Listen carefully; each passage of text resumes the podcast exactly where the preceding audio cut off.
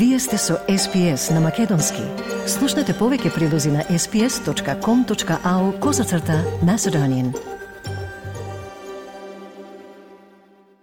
Законот за амнестија пристигна во собранието и е доставен до сите пратеници, информираат собраниските служби.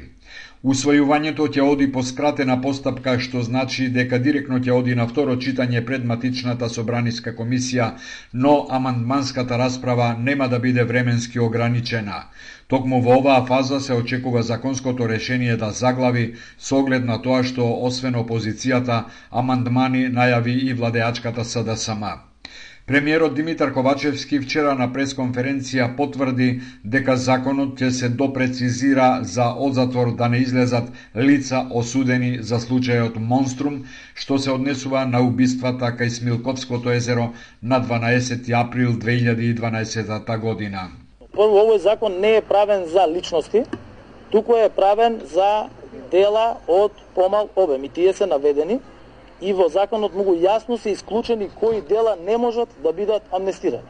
Меѓутоа, со оглед на чувствителноста на одредени случаи кои што во минатото се случиле во државата, претеничката група на Социјалдемократскиот сојуз на Македонија ќе поднесе аманман. Поддршка за законот за амнестија најави и Дуи, оценувајќи го како хуман гест, а албанската опозиција го оцени како политичка пропаганда за профитирање пред избори. Првичните проценки се дека со овој закон од затвор веднаш ќе излезат околу 300 лица осудени до 6 месеци, додека со одредбата за намалување на казните за 30 насто за сите останати затвореници ќе бидат обфатени околу 1000 лица. Во моментов во затворите низ државата казна издржуваат 2114 мина осуденици, а 2813 чекаат да влезат в затвор на издржување на казните. Председателот на ВМРО ДПМН е Христијан Мицкоски вчера пред медиумите му упати прашање на министерот за внатрешни работи Оливер Спасовски дали е подготвен да прифати дека со донесувањето на законот за амнестија владата во која седи го враќа криминалот на улица. Мицкоски рече Спасовски да престане да прави театар, иако се противи на законот за амнестија на неговата влада да поднесе оставка, откако завчера јавно првпат не се согласи со премиерот Ковачевски.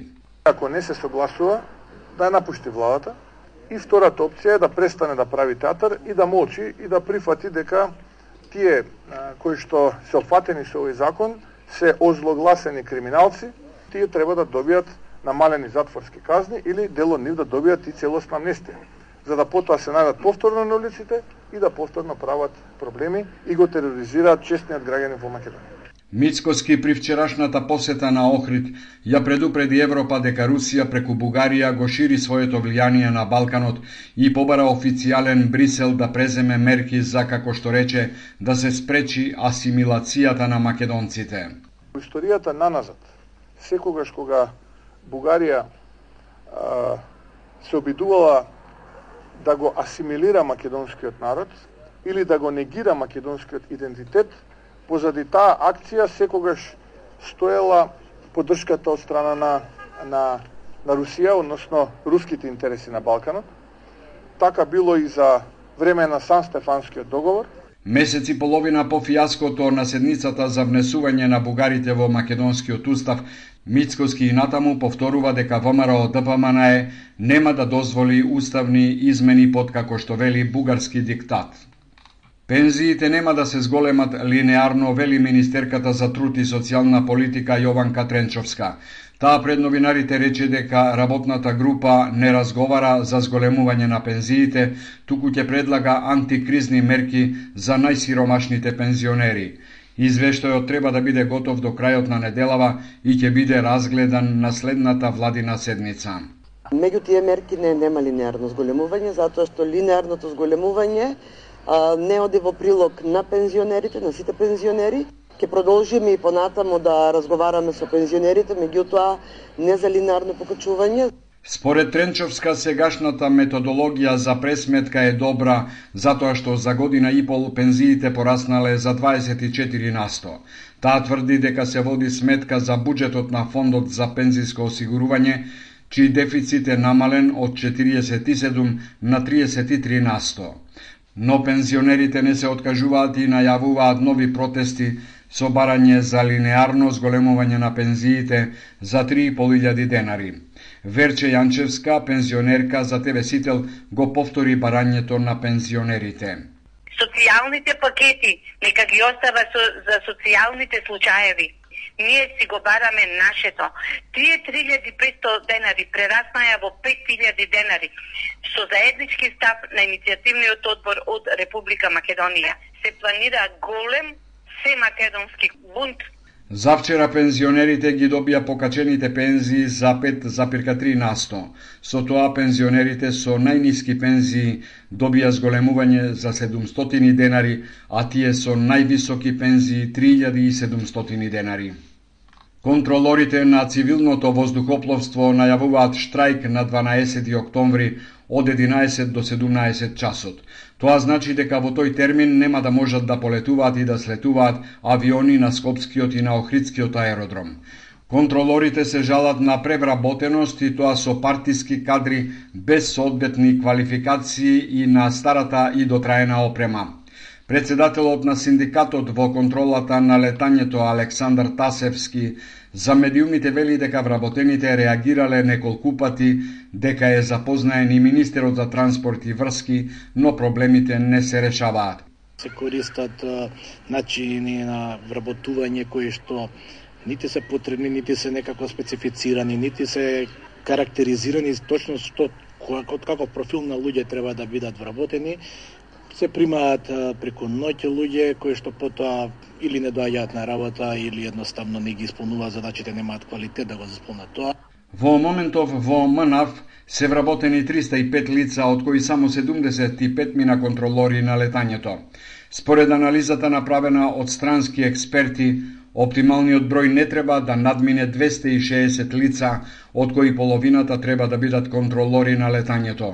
Освен тоа, опремата е толку застарена, што и самите вработени се чудат како се уште работи Вели Тасевски. Опремата е инсталирана 99 година, Само споредете какви телефони сме имале 99 или кој компјутер бил во 99 година и ќе ви биде многу појасно каква е сега. Среќа што функционира, оптимален период на промена на опрема е околу 7 години. Синоќа реакција стигна од управниот одбор на МАНАФ, во која се вели дека изјавите се лична иницијатива за своји интереси на председателот на синдикатот на контролорите Александар Тасевски и дека е само показател на лични интереси во негова корист, а додека другите вработени кои не се консултирани за неговите изјави и постапки, кои според своји интереси ги злоупотребува и според тоа прави штета на МАНАФ, се вели во сообштението на ова државно предпријатие. Теренот на националната арена Тодор Проески во Скопје ќе добие нова трева. Ова го соопшти државното предпријатие за стопанисување со стамбен и деловен простор. Во соопштението се вели: Почнуваме активности во насока на целосна ревитализација на требната површина и нејзините придружни елементи. Во соработка со Фудбалската федерација на Македонија почнуваме со целосно менување на требната површина која последен пат е насадена во 2012 година.